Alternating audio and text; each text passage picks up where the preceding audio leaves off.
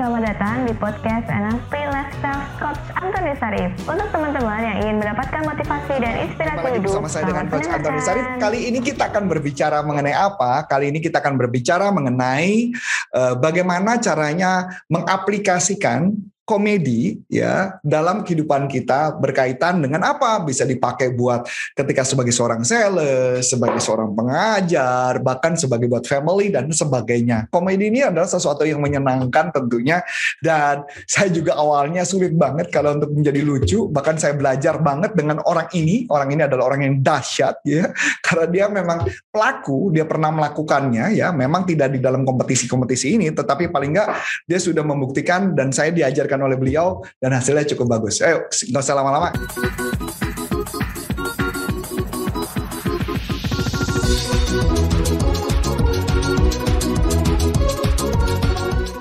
Sebelum Anda lanjut nonton video ini, silakan Anda subscribe, like, dan share kepada teman-teman Anda sehingga channel ini bisa bertumbuh. Kita sambut aja. Hai Coach Abner, apa kabar bro? Apa kabar bro? Halo. Halo, halo, halo. Yes, yes. Nah, kita mau ngebahas nih tentang komedi kan. eh, seperti yang lu tahu kan waktu itu kan gue pernah belajar komedi sama lu ya bro.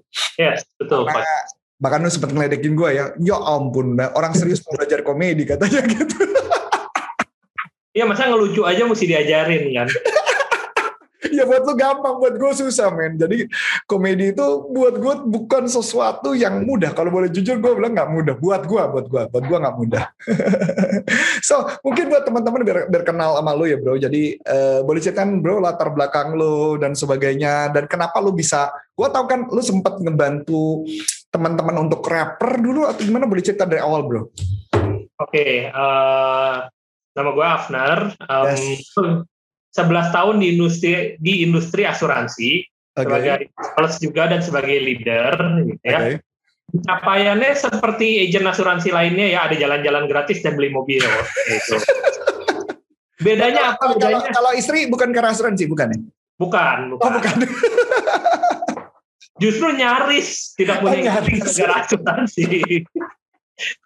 Jadi em, bedanya apa? Bedanya pendekatan gua nggak yang ribet-ribet, tapi yang lebih ke arah personal dan lucu ke nasabah. Jadi nasabah tuh fun, seneng kalau ketemu gua. Eh, background sebelumnya itu di bidang entertainment. Jadi PA, personal assistant-nya artis, rapper gitu ya. Siapa tuh bro dulu? Em, adalah maksudnya sampai sekarang juga em, mungkin eh, terkenalnya di kalangan tertentu saja gitu. Oh, Oke, oke. Karena kalau dibocorin takut diklaim.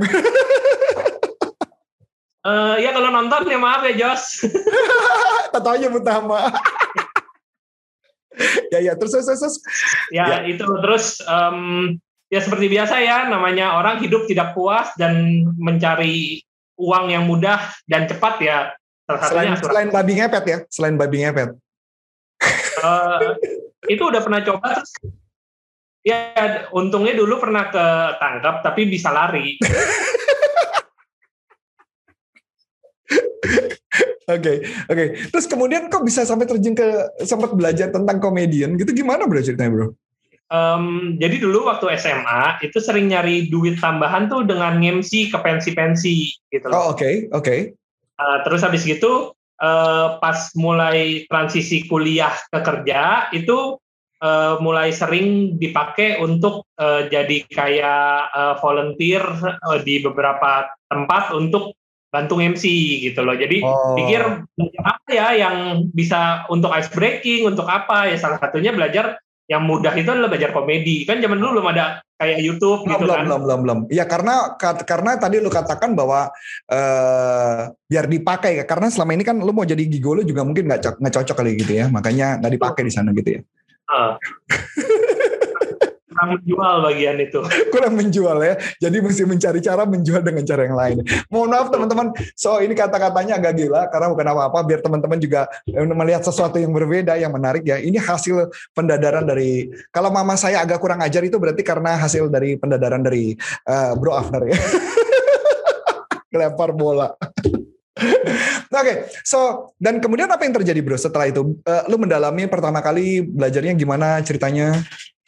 Sebenarnya bukan mendalami, jadi belajarnya itu adalah belajar ikut kayak course-course singkat yang uh, kan dulu kerja kantoran ya coach, kerja di pabrik.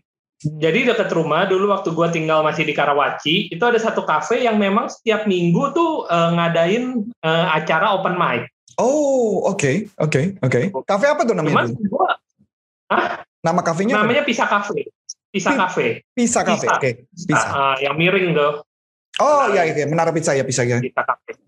Nah, jadi um, cuman waktu itu ya gue nggak ikut open mic, cuman sering duduk di situ.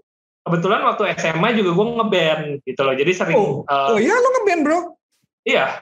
Gue baru tahu lo ngeband. Pegang, Pegang apa? Listrik. Oh, pegang. gue main bass. Dulu gue main bass, jadi gue main musik. Oke. Okay. Okay. Wah ternyata lo sama gue juga sama ya. Gue juga main bass dulu bro. Basket. Uh, bass beneran, bass ya.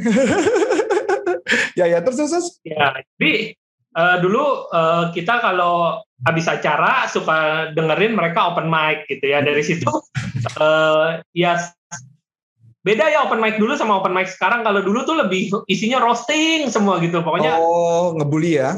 ngatain aja gitu. Kalau sekarang lebih orang lebih lebih bikin materi. Dan uh, dulu tuh kayaknya kenapa gue nggak berani open mic? Karena gue nggak berani terlalu frontal buat ngeledek orang Hmm. Gitu loh. Gue lebih senengnya ngelihat sesuatu, gue bikin, gue lihat dari sudut pandang yang berbeda. Itu sudut pandangnya hmm. komedi. Hmm. Gitu. Itu Jadi, awal mulanya. Cuman lumayan berarti zaman dulu tuh lebih sarkas ya sebenarnya. Ya? Iya. Tahun 2000-an awal lah gitu. Kan gue SMA 2002. Hmm. SMA, SMA 2002. Biar kelihatan muda ya bro. Oke. Okay. So, jadi uh, dulu kalau di tahun itu ya bro, di waktu di Pizza Cafe itu, ini Pizza Cafe yang hampir mirip yang di Menteng ya? Dulu tuh mereka kayaknya satu satu kafe yang eh, sama gitu ya, cuman beda cabang. Terus belakangan uh, kayaknya pemiliknya beda. Oh oke okay. oke. Okay. Tapi di di konsep yang kurang lebih itu ya. Kalau dulu tuh mungkin yang terkenal siapa bro pada saat itu ya dulu ya?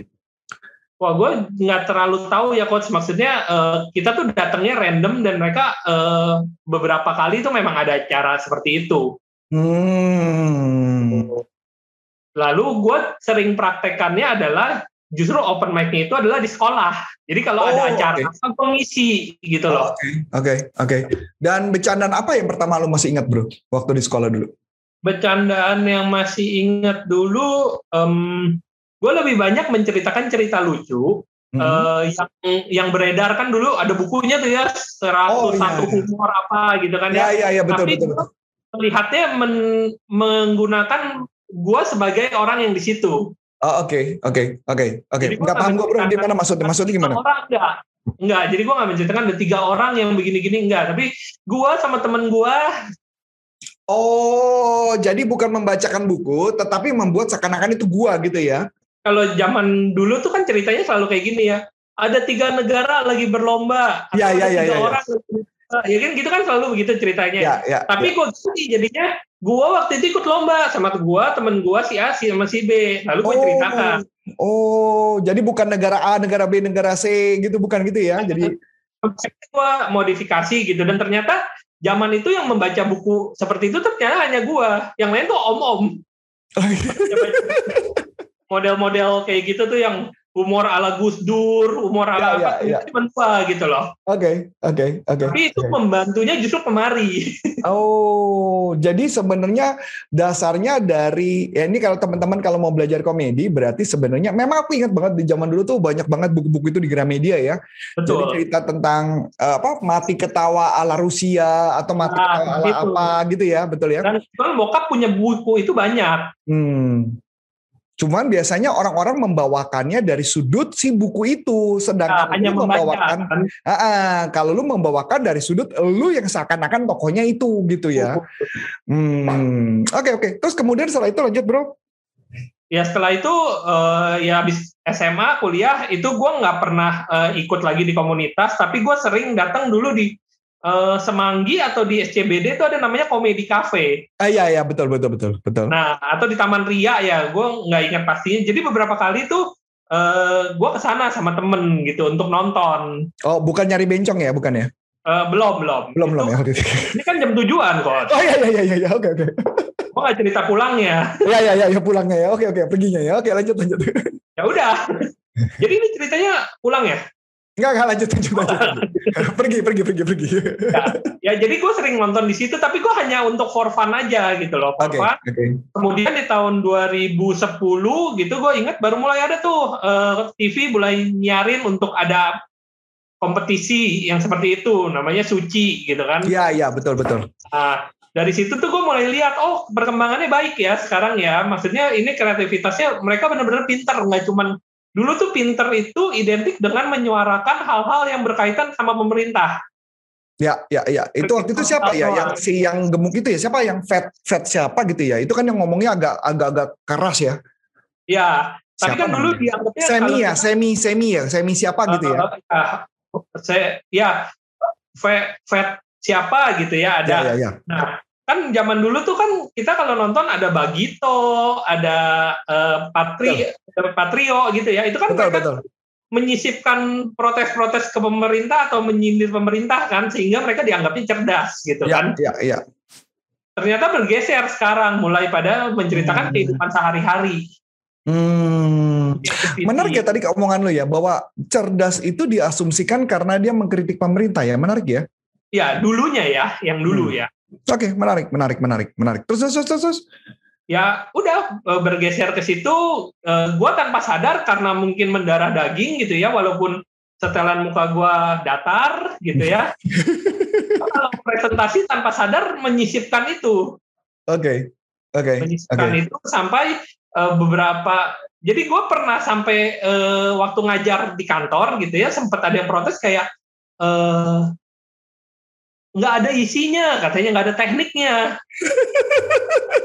Karena gue sejujurnya gue pakai yang memang lu bisa pakainya di lapangan bukan yang perlu kayak hitungan eh, sorry kayak future value lah kayak apa gitu ya. Itu gue begituan tuh nasabah juga kadang-kadang keblinger klien kita keblinger. Akhirnya gue pikir kalau ngobrolnya lebih santai mereka kalau fun mereka kalau seneng ngambil keputusannya lebih mudah. Hmm. Masuk akal, masuk akal. Ya kebanyakan customer, eh, saya bisa paham sih. Kenapa banyak customer eh, akhirnya nggak jadi beli karena dia nggak merasa nyaman sama orangnya. karena latar belakang customer gue kalau misalnya gue cerita orang selalu bilang gue udah pernah tuh ketemu si bapak itu tuh galaknya setengah mati Oke, Betul. oke. tapi gue tahu dia galak tapi maksudnya dia nggak pernah galak ke gue gitu loh Oke, oke. Ya benar, benar, benar. Itu itu betul, itu betul. gitu aja jadi orang kayak ngerasa lebih oh ya eh, setara jadi ngobrol gitu loh bukannya Ah, itu itu itu yang menarik dari komedi ya. Sebenarnya makanya kenapa saya juga tertarik belajar komedi karena aku menemukan bro. Jadi para trainer yang lebih fun itu ternyata memang selain pelatihannya memang karena ilmu bobotnya lebih bagus dan dan dia lebih banyak diundang ke corporate karena eh, tidak selalu tegang.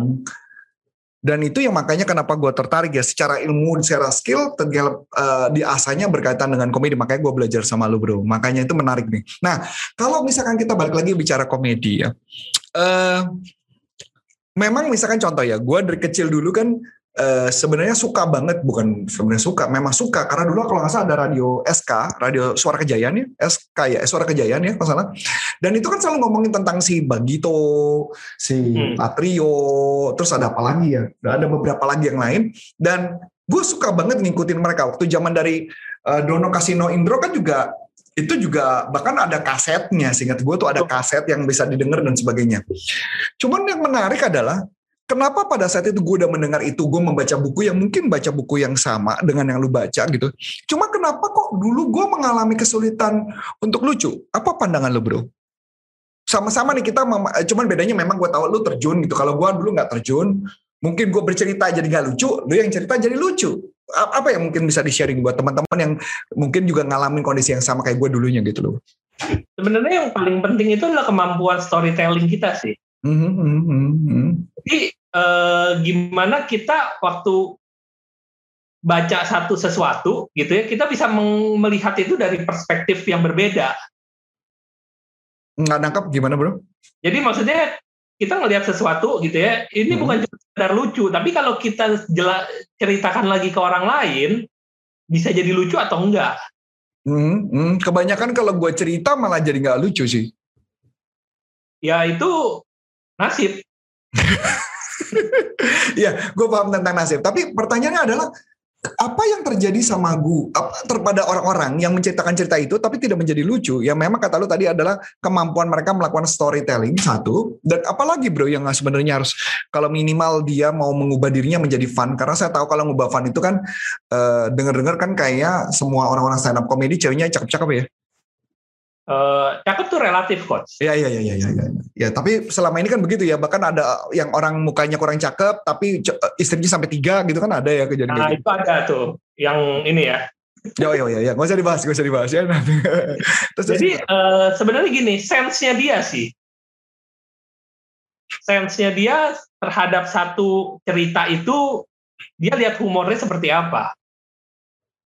Nggak nangkep bro, gimana tuh? Coba diterjemahkan pakai cara sederhana. Ini teman-teman, uh, saya menjelaskan ini karena uh, saya mau buat teman-teman biar selesai dengar nonton ini, kita dapat manfaat ya. Paling nggak dapat sesuatu nih dari Bro Afner ya. Atau juga itu membuat dia tambah pusing sebenarnya sengaja gitu ya.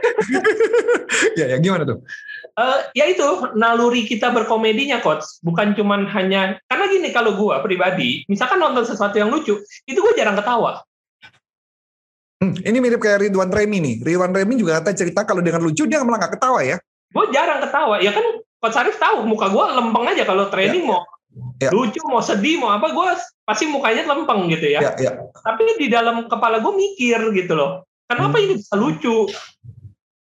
Oh, kenapa ini bisa lucu?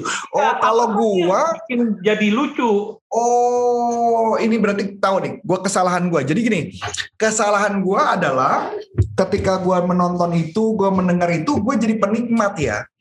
Nah, itu. Nah, kalau lu enggak, lu kayaknya sama Ridwan Remin adalah menjadi penganalisa gitu ya, kurang lebih gitu ya. Ya, kurang lebih gitu. Oh, ini kenapa jadi lucu gitu ya? Ya itu dari situ gue baru pikir nanti kan terlatih itu maksudnya karena terlalu sering menganalisa gitu terlatih kayak misalnya kita ngelihat sesuatu gitu ya mobil di jalan itu kita bisa berpikir kenapa itu lucu tuh kita bisa nemuin ya. Hmm, jadi misalkan contoh nih jadi contoh contoh contoh misalkan anggaplah ada orang yang ada ada ada kayak cak lontong lah cak lontong. Cak lontong dia lagi melawak gitu ya bro. Nah, kalau gue mau jadi sama lu, ada kayak lu gitu ya, artinya ketika calon untuk melemparkan satu lawakan, gue malah mikir gitu ya, lucunya di mana gitu ya? Kenapa ini bisa iya. lucu gitu ya? Iya. Kurang lebih begitu. Kurang lebih begitu. Jadi kalau misalkan kayak contoh dulu kan aku tahu tuh siapa tuh yang yang pemain biola itu bro? Dodit. Ah Dodit, Dodit, Dodit. Dodit kan sering pakai pakai bercanda kayak gini. Uh, apa misalkan uh, Mbak mundur dulu Mbak. Ya cakepnya Kenapa? kelewatan. Uh, cakepnya kelewatan gitu ya. Nah kalau gue kan menikmati itu dan ketawa-tawa. Kalau lu malah mikir, Mbak mundur dulu karena cakepnya kelewatan, lu mikir kenapa ini lucu gitu ya? Iya. Hmm. Kan sebenarnya sama kayak kita bikin skrip NLP, coach. Hmm. Oke, terus setiap kata-kata kan ada tujuan ya. Iya, betul, betul, betul. Jadi ya ya kan ada orang yang bilang yang kita mengasosiasikan apa nih kok cakepnya kelewatan gitu ya kan berarti kita mengasosiasikannya sama misalkan mobil berarti kan maju atau mundur Oke, mobil maju mundur, terus? Ya, berarti um, tolong munduran sedikit, cakepnya kelewatan. Oh, oke. Okay, okay. Jadi kalimat itu kan pasti ada pertimbangannya. Hmm, dipatokin. Nah, pertanyaannya menarik nih, Bro. Kok bisa kepikiran mobil, Bro? Ya, kepikiran. uh, sebenarnya adalah ketika ngebuat joke dari mentah tadi ya, Bro. Kalau gue kan uh, sekarang kan ibaratnya gini, kalau gue mendengar satu kalimat, gue merasa ada celah kalau gue ngeliatnya sekarang per hari ini gitu. Jadi ada satu kalimat orang tertentu ngomong, gue ngeliat ada celah. Setiap ada kalimat tertentu, gue ngeliat ada celah. Jadi ada celah untuk gue banting gitu ya. Hmm. Jadi untuk gue belokin gitu loh. Nah pertanyaan menarik, sedangkan lu kan enggak. Lu melihatnya berbeda. Ya memang lu juga melihat itu. Tetapi pertanyaan menarik gue adalah, lu sempat mikir bahwa cakep kelewatan, uh, dia buat bercanda tentang mobil. Atau mungkin yang lihat adalah mobil itu menjadi bagian lucu, terus kalau dinarasikan di dalam pelatihan di panggung, itu apa yang gue lucuin? Kayak gitu kali ya? Kurang lebih. Hmm. Oke, okay, oke, okay, oke. Okay. Jadi kan sebenarnya kita bahas perjalanan menjadi kalimatnya itu loh, Coach. Iya, gue bisa ngerti sih. Karena ketika dalam dunia penjualan, dalam dunia persuasi, gue ngeliat orang bisa bikin ketawa orang. Kenapa gue dari jarak jauh ditinggal lihat dor gitu tembak, kemudian orangnya bisa gigil-gigil dalam teknik NLP. Gue mengamati sih. Kayak dokter Richard Bandler ketika melakukan sesuatu, gue bukan menikmati dengan ketawa ngakak, gue malah ngeliatin tangannya ngapain, apa yang dilakukan, tahap-tahapnya apa, pertanyaan bagiannya apa, dan gue catat itu. Itu maksudnya kayak gitu kali ya, Bre?